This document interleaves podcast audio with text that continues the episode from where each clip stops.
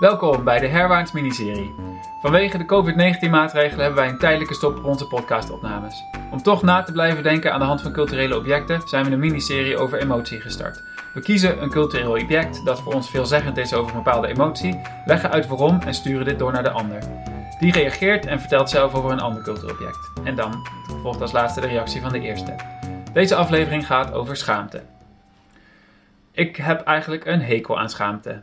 Ehm, dat is niet in de laatste plaats omdat ik denk dat schaamte in de weg zit. Dat je er niets aan hebt en dat het een nutteloze emotie is. Het voelt voor mij als uh, iets wat je alleen maar in de weg zit. En als je de ketenen van schaamte kunt afwerpen, kun je eindelijk een vrij en prettig leven leiden. Um, je zou bijna kunnen zeggen dat ik schaamte beschamend vind. En dan kom je toch in een soort cirkeltje terecht. Want er zit natuurlijk een stuk oordeel in schaamte. Um, en de vraag waar die schaamte vandaan komt en dat oordeel vandaan komt, wil ik het eigenlijk vandaag over hebben.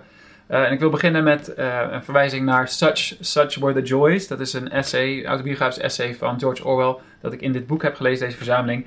Um, en hij denkt daarbij terug aan zijn dagen in de public school waar hij uh, naartoe is geweest. En um, hij vertelt eigenlijk over hoeveel ellende en schaamte die daar voelde. En dat hij heel lang niet goed begreep waarom die schaamte er moest zijn, maar dat hij wel de hele school doordrong. En dat nam allerlei vormen aan. Hij werd bijvoorbeeld belachelijk gemaakt omdat hij in zijn bed had geplast. En dat moest dan ook worden verteld aan andere mensen. Hij moest naar de headmaster's office. En uh, de vrouw van de headmaster, die ook in de school woonde en ook een van de belangrijke figuren was, uh, zei dat een keer terloops tegen een gast, terwijl Eric Blair, zo heet hij natuurlijk, George Orwell, daar stond als een klein jongetje van tien. En dit is alleen maar bedoeld om die schaamte er diep in te rammen, leek het. Hij noemt ook nog op dat er natuurlijk heel veel schaamte was over masturbatie en homoseksualiteit. En uh, dan daarnaast nog gewoon je rang in de samenleving. Dus hoeveel geld je ouders hadden. Um, Eric Blair was zelf op een scholarship naar die school gekomen. Um, omdat hij het goed had gedaan op de uh, basisschool.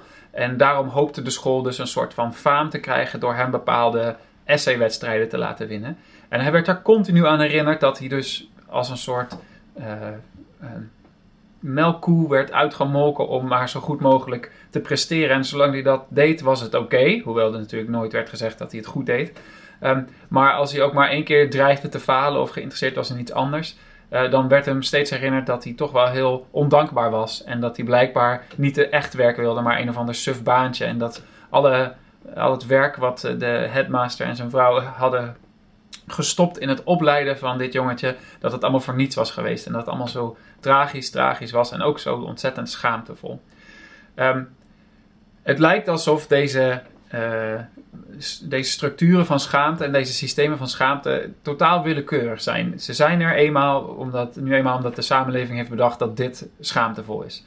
Um, en daarmee is het eigenlijk een soort machtsstructuur. Alsof deze twee figuren op die school samen met een paar andere docenten gewoon wilde zorgen dat die kinderen zich precies zo gedroegen zoals zij dat wilden. En dus was alles wat buiten die uh, gedragspaden viel, was schaamtevol. Dus uh, dat kan natuurlijk zijn dat als je uh, eigenlijk naar bed moet en je gaat nog iets leuks doen voor jezelf, en daarmee bedoel ik niet masturbatie, um, dat dat uh, schaamtevol is, want dan denk je te veel aan jezelf. Maar goed, masturbatie valt er natuurlijk ook in, want dan ben je onrein. En dat is ook niet in het leer met het geloof.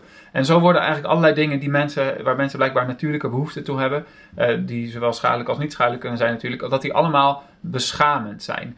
Um, en eigenlijk concludeert George Orwell dat, dat uh, hij, net als iedereen, hier toch een soort tik van heeft meegekregen en in een soort cirkel terechtkomt. En dat alle dingen waar hij ooit zich voor heeft geschaamd, dat hij die ook naar iemand anders uh, schaamtevol vindt. En dat dus ook uh, veroordeelt. En dat wil hij niet, maar dat is er nou eenmaal ingebakken. Um, volgens mij zijn er een aantal verschillende soorten problemen met schaamte. Um, zodra je schaamte toepast op iets wat eigenlijk heel natuurlijk is, wat mensen gewoon willen, dan ontstaat er meteen een soort conflict. Want mensen willen het aan de ene kant niet doen en aan de andere kant wel doen. Uh, als je iemand beschaamt voor hoe iemand is, uh, dat kan een achtergrond zijn of een, een sociale status dus, dan uh, moet die persoon zichzelf veranderen tot iets anders.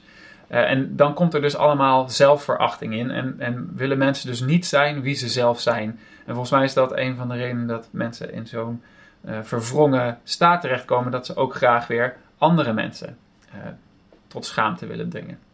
Ehm, en dit idee van schaamte als een, een wapen om mensen zich te laten, zichzelf te laten veranderen, komt ook heel erg naar voren in twee video-essays, of eigenlijk vooral één video-essay van ContraPoint, ook wel Natalie Wynn. Ehm, de video die ik wil bespreken heet Cringe en die sluit aan op dit verhaal van George Orwell, denk ik. Ehm, zij, zij bespreekt eigenlijk vooral over haar eigen schaamte. Zij is een transvrouw en zij is ook lesbisch, heeft ze ontdekt. En daar schaamt ze zich voor. En uh, een van de problemen die ze daarbij opmerkt is dat ze uh, zichzelf eigenlijk niet durft te zijn, omdat er andere mensen zijn die, uh, die belachelijk worden gemaakt om die redenen. En het, het, zij beschrijft een heel proces, zowel binnen de politiek als binnen de internetcultuur als bij zichzelf, dat ze iemand anders naar voren schuift als nog erger, een nog grotere beschamend figuur, of een nog groter beschaamd figuur, zodat in ieder geval de algemene aandacht niet meer naar jezelf gaat, maar naar iemand anders.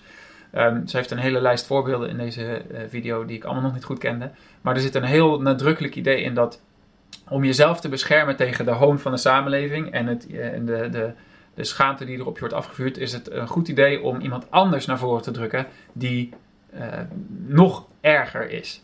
Um, en in plaats van, ze zegt heel mooi, bonding over shared human frailty en dat we het allemaal eigenlijk fout doen, um, wordt daar een soort onderscheid gemaakt tussen degenen die nog oké zijn, nog bij de ingroep horen, en de mensen die zo fout zijn of zo raar of zo cringy, dat ze eigenlijk beter uitgelachen kunnen worden.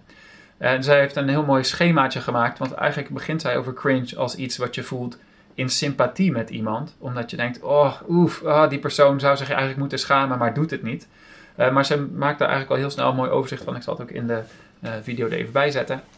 En die zorgt ervoor dat, um, dat er een onderscheid komt tussen uh, cringe en daarmee schaamte in de vorm van compassie. Dat je meeleeft met iemand. En dat je iemand eigenlijk beschuldigt van iets. Of dat je, ze, dat je ze vies vindt of naar. contempt is het woord wat ze er in het Engels voor gebruikt. Um, en zij zegt, dit is ook heel nadrukkelijk een politiek middel, want je kunt bepaalde mensen uit jouw groep, uit jouw groep willen zetten, omdat ze te, te cringy zijn en je dus eigenlijk contempt voor ze hebt. Um, zodra je dat doet, uh, krijg je even een soort uh, oplifting en voel je je beter omdat je in ieder geval niet zo slecht was. En kijk, we zijn allemaal, ik hoor wel bij de ingroep en die persoon niet. Um, en schaamte is hier dus een essentieel middel voor. En uh, zij koppelt het ook heel mooi aan hoe dat ook makkelijk kan gebeuren met een hele grote groep op het internet. Dat je ook een andere groep mensen kunt wegzetten als cringy of slecht of, of beschamend. Um, bijvoorbeeld door iemand die heel vurig en gepassioneerd in een debat iets heel suf zegt of zo. Door die dan neer te zetten als, kijk, zie je, zo zijn al die mensen. Suf hè, cringy hè. Dus dan um, gaan we die maar nemen als een soort uh, mascotte van de hele beweging. Uh, en dan kunnen we die mooi belachelijk maken. En dan hoeven we ons verder ook niet meer druk te maken over de rest van die groep en hun ideeën. Want het gaat natuurlijk alleen maar over hoe cringy ze zijn en hoe beschamend dat is. Um, ze heeft ook nog een, een mooi ander citaat, wat ik denk uh, dat ook goed past hierbij. When we see a mob laugh at someone, your brain thinks, don't behave like that, or people will laugh at you. A powerful tool for anyone who wants to control human behavior. En dan gaat het dus eigenlijk over mob mentality en, en publieke schaamte.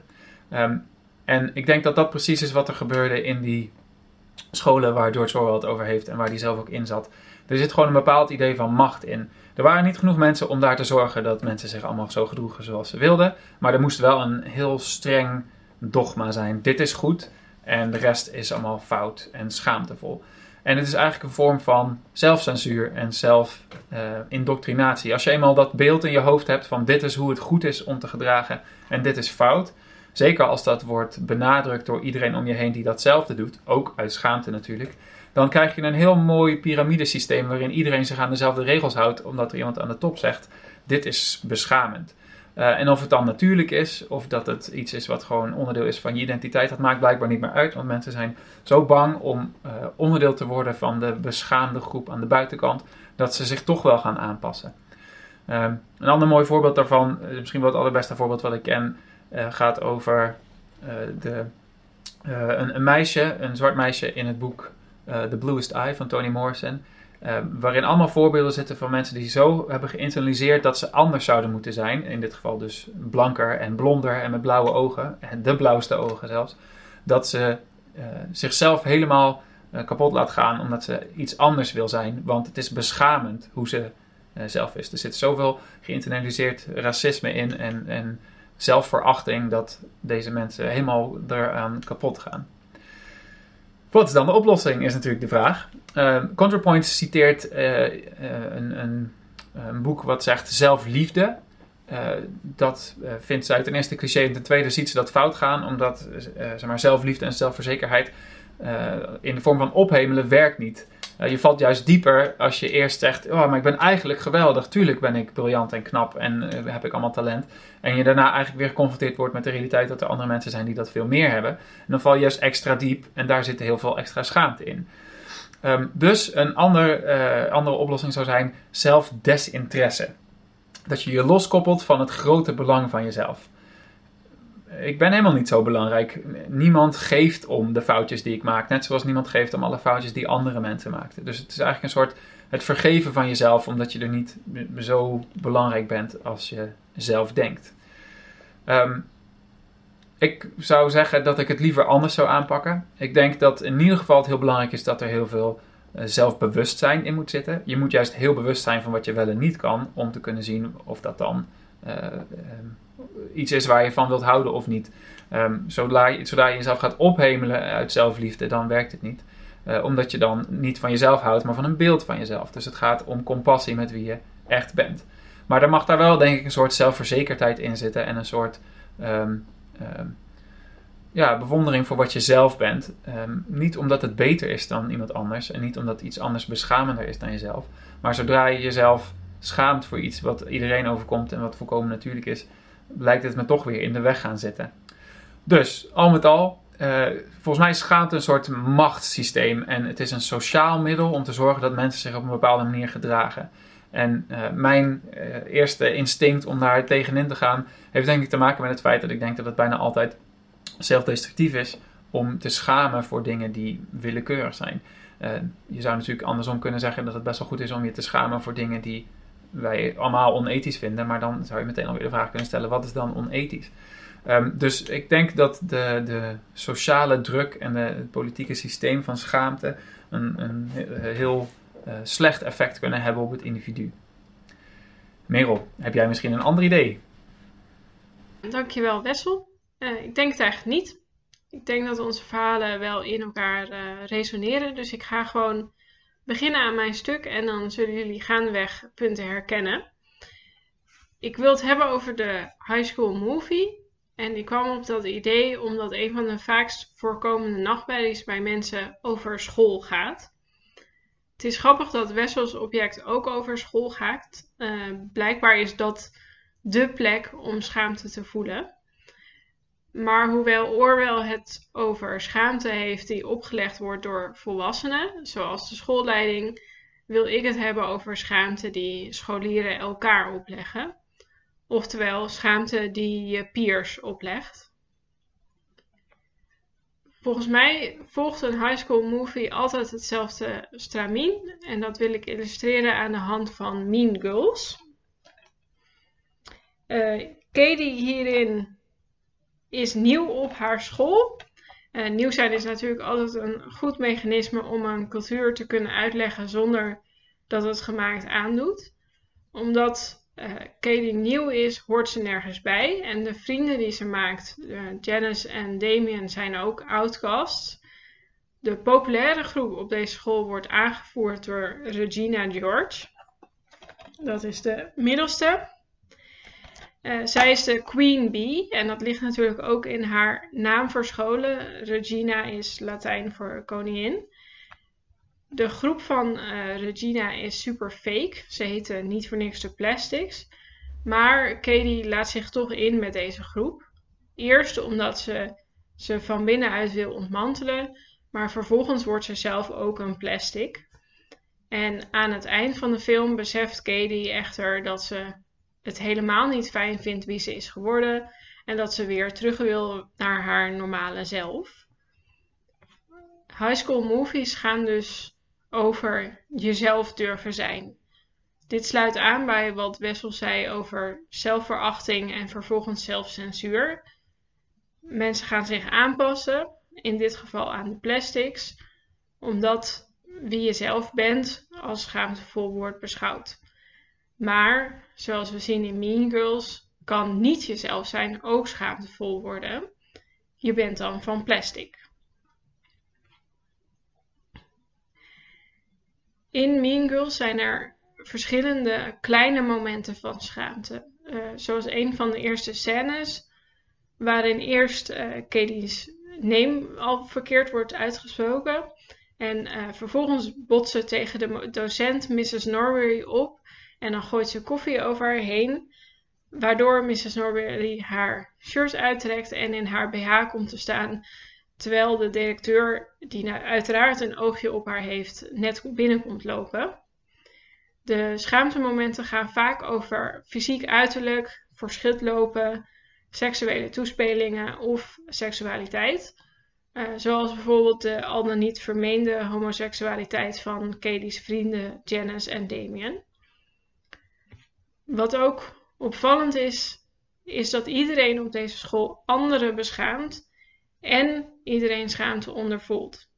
Dit wordt duidelijk als uh, Mrs. Normandy de groep bij elkaar brengt nadat het Burnboek is uitgekomen. Daar kom ik nog op terug. Um, ze vraagt dan uh, alle meiden hun hand op te steken. If you ever had a girl say something bad about you behind your back. And if you ever said anything about a friend behind her back.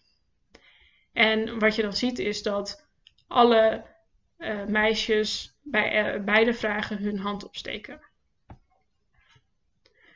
Wat ik echter het opvallendst vind aan Mean Girls is dat het niet per se is dat je iets beschamend doet, maar dat het uitkomt.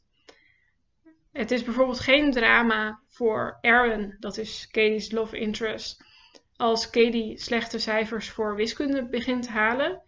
Het wordt een drama als zij hem vertelt dat ze dit expres deed omdat uh, ze hem om bijles wilde vragen. En uh, de grote chaos in Mean Girls breekt pas uit nadat het zogenaamde Burnboek uh, uitkomt.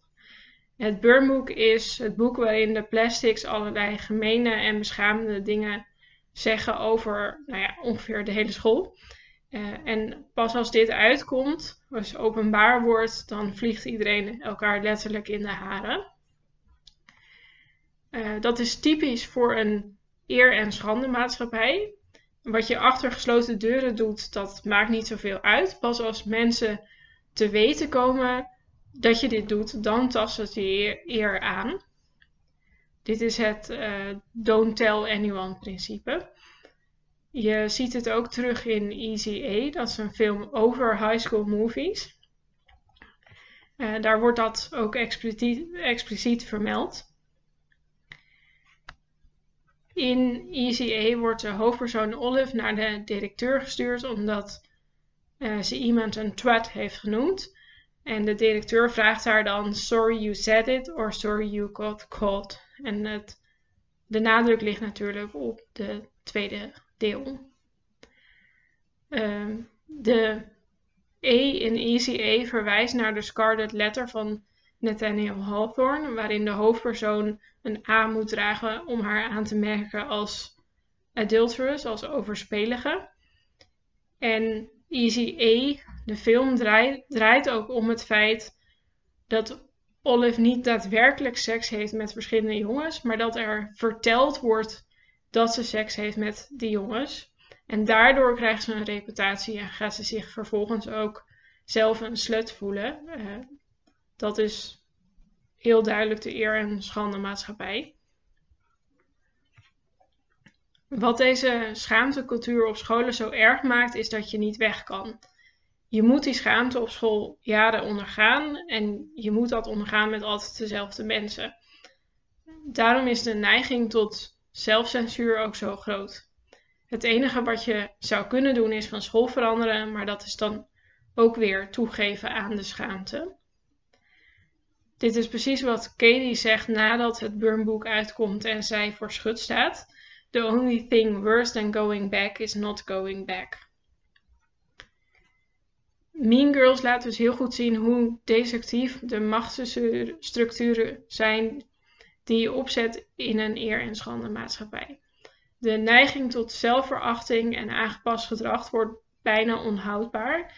Maar ook wanneer je je voegt naar de heersende cultuur en dus een meeloper wordt, moet je continu op de hoede zijn dat jouw geheimen niet uitkomen of dat niemand door je façade heen prikt en je letterlijk ontmaskert als fake, als plastic. Ik wil deze structuren van schaamte in Mean Girls vergelijken met de call-out culture. Het is nu een trend op social media om uh, vooral bekende mensen te call-outen, te ontmaskeren op hun misdragingen of uitspraken die als discriminerend, racistisch of seksueel overschrijdend gezien worden. Nu is het aan de ene kant goed om na te denken over wat kwetsend kan zijn en om mensen die zulke uitspraken doen daarop te wijzen. Dat kan je bijvoorbeeld zien aan de MeToo-beweging. Maar het onderscheidende van de call-out culture is dat dit openbaar wordt gemaakt. Tell anyone. Dus de mensen worden aan een publieke schandpaal genageld. Als ik naar deze call-out discussies kijk, dan valt het me op dat ze niet gaan om het onderwijzen van degene die de verkeerde uitspraak heeft gedaan, zodat diegene ervan kan leren en zich kan ontwikkelen. Uh, die persoon krijgt namelijk helemaal geen kans om te leren van zijn of haar fouten. Um, ze wordt voor eeuwig beschaamd door die ene fout. Ze verliezen hun baan of hun publieke functie. Ze worden outcasts. En dit is die content dat die Wessel ook heeft besproken. Het gaat erom anderen te beschamen in een poging jezelf te vrijwaren van morele fouten. Als je dit vergelijkt met Mean Girls valt er iets bijzonders op. Na het uitkomen van het Burnboek uh, wordt de hele schaamtecultuur van de plastics ontrafeld. En dan komt er een nieuw equilibrium, een nieuwe orde. Uh, Regina George, die overduidelijk heerste in anderen belachelijk maken, wordt in deze nieuwe orde niet buitengesloten en ze gaat ook niet naar een andere school. Nee, ze wordt lid van de Jocks en die accepteren haar omdat ze als sporters haar botte manier van doen kunnen handelen. Uh, Regina krijgt daardoor een, de mogelijkheid zich te ontwikkelen tot iemand die niet bovenaan de rangorde wil komen te staan door anderen te beschamen. Ik vind de call-out culture iets heel moeilijks. We, we moeten leren welke uitspraken die we wellicht zelf ook doen discriminerend of seksueel overschrijdend kunnen zijn of kwetsend over kunnen komen. Maar het publiekelijke van call-out culture heeft, niet, heeft dit niet als gevolg. Eerder doet het een eer- en schande maatschappij ontstaan in onze samenleving. Dus misschien kunnen we wel iets leren van Mean Girls en het nieuwe equilibrium wat daar ontstaat. Dankjewel Merel voor je reactie en je voorbeeld van Mean Girls. Heb ik ook gezien. Ik vroeg me nog af toen ik uh, je hoorde praten over Mean Girls of ik me daar nou voor schaam dat ik dat heb gezien. Uh, ik denk het niet. Um, ik weet nog wel dat toen ik het voor het eerst zag dat ik behoorlijk zagrijnig was. Omdat het allemaal gaat over hiërarchie en uh, populariteit. En dat het bijna er niet toe lijkt te doen wat de karakters zelf vinden of ervaren of wat voor een doel ze hebben. Maar alleen maar over of de rest van de school het met ze eens is en ze op handen draagt. En andersom dat degene die eerst bovenaan de top stond, um, in ieder geval de dame van de plastics, dat die nu juist naar beneden wordt gehaald en beschaamd wordt. Um, dat is bij heel veel high school films vol, uh, die ik heb gezien, dat zijn niet zo heel veel, maar dat, uh, dat het uiteindelijk gaat om de populariteit. En daarom gaat het ook zo vaak over een, een prom of een danswedstrijd of iets wat in ieder geval publiek is en waar iedereen het kan zien. En dan is het winnen of het goede einde van de film dat iedereen jou ineens de leukste vindt. Terwijl eerst was het de stomme persoon. Um, ik denk dat het ook wel iets te maken heeft met uh, de omgeving. Wat jij zegt, school, dat is de plek waarbij schaamte en hiërarchie zo belangrijk zijn. Ik denk dat dat er ook mee te maken heeft dat mensen meestal rond de middelbare schooltijd uh, hun, hun bewustzijn van de samenleving ontwikkelen en dus veel meer bezig zijn met hoe andere mensen hun zien. Uh, en dat, dat een soort hyperbewustzijn creëert van alles wat sociaal is.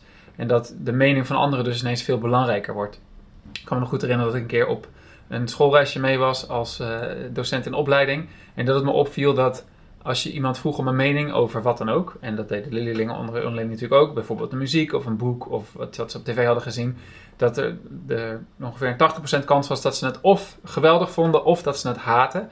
Uh, en anders was er eigenlijk alleen maar um. Het gaat er natuurlijk om wat mensen vinden van elkaar en daarom moet je je profileren. En uh, als het dan niet goed valt, dan, dan voel je je beschaamd, want je hebt dus blijkbaar de regels die niet expliciet zijn, maar de stille regels van de samenleving, van de volwassene wereld, uh, gebroken of overtreden. En daarom krijg je niet de respons die je wil.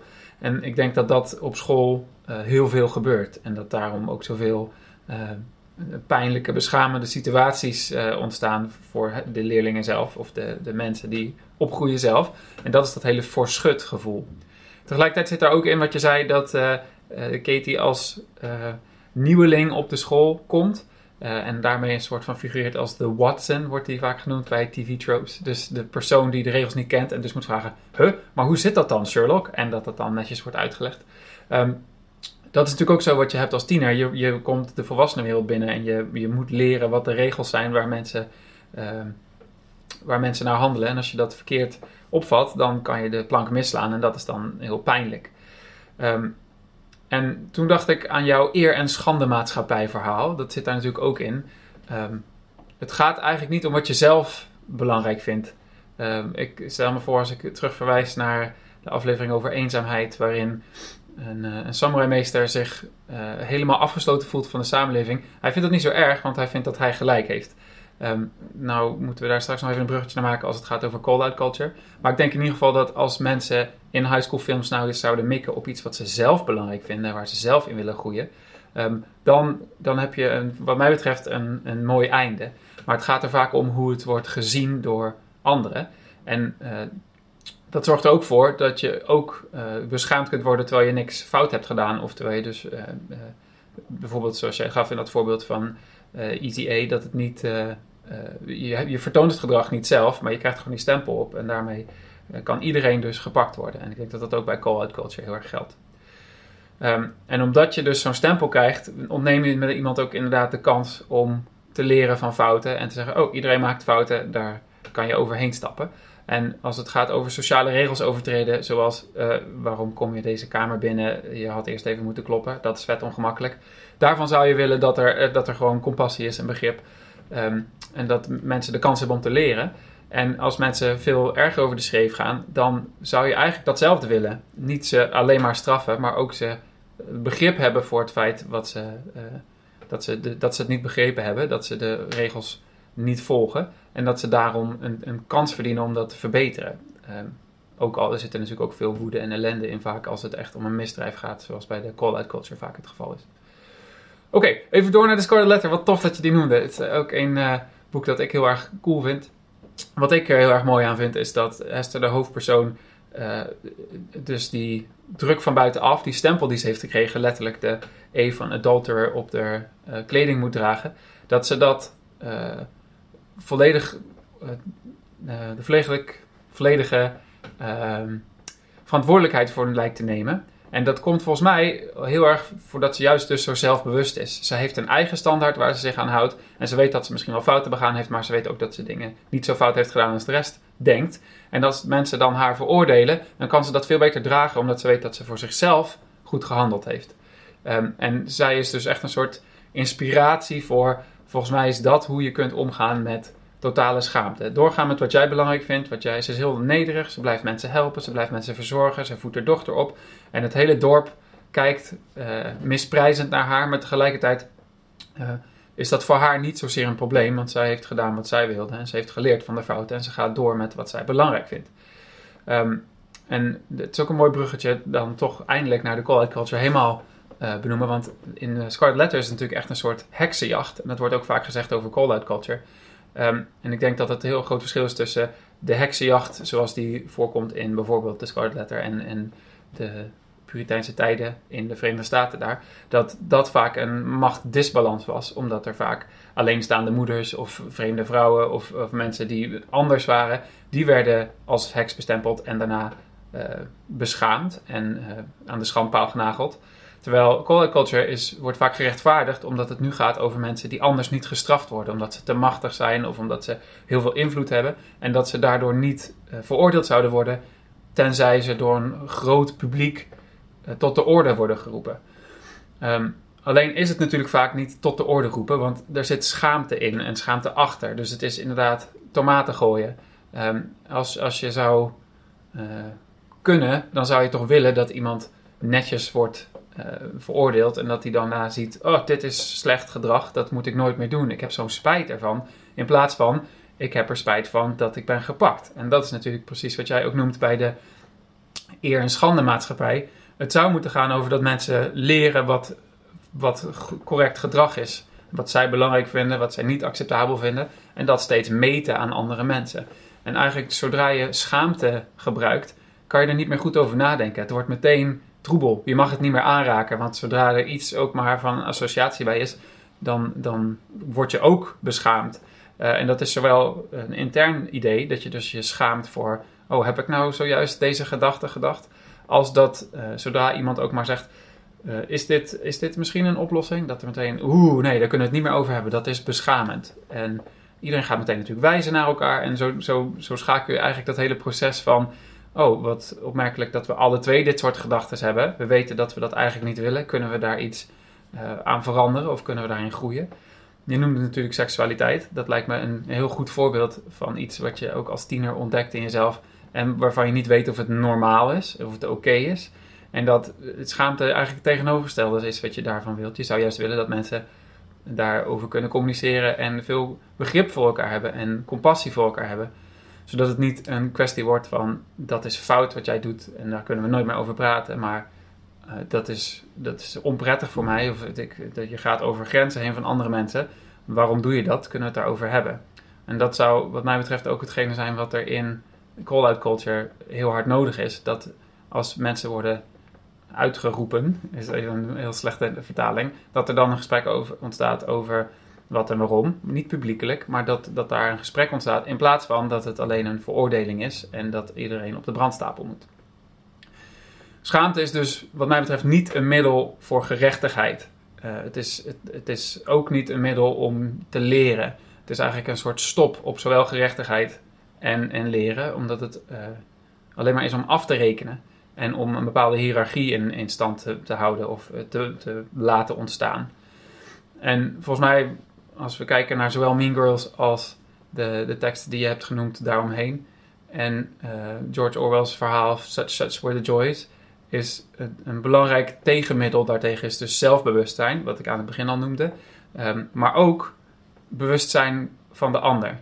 Ik denk dat het veel, uh, veel meer effect heeft als je bepaald gedrag bij iemand wil voorkomen of wil afleren, als je juist begrip hebt voor de ander en waarom die dat doet. En dat ook begrijpt en, en een soort compassie hebt voor wat daar achter zit. En zoveel mogelijk begrip hebt voor alle andere mensen, dan hebben we ten eerste minder schaamte bij onszelf, want we weten dat allemaal mensen zo zijn. En tegelijkertijd uh, geef je de ander de kans om als het gedrag echt onacceptabel is, om er ook iets van te leren en um, ja, te groeien tot een, een mens wat beter is voor zichzelf in de eerste plaats misschien, maar ook voor iedereen in de samenleving en dat er dus minder schaamte hoeft te zijn. Oké, dat was de aflevering over schaamte.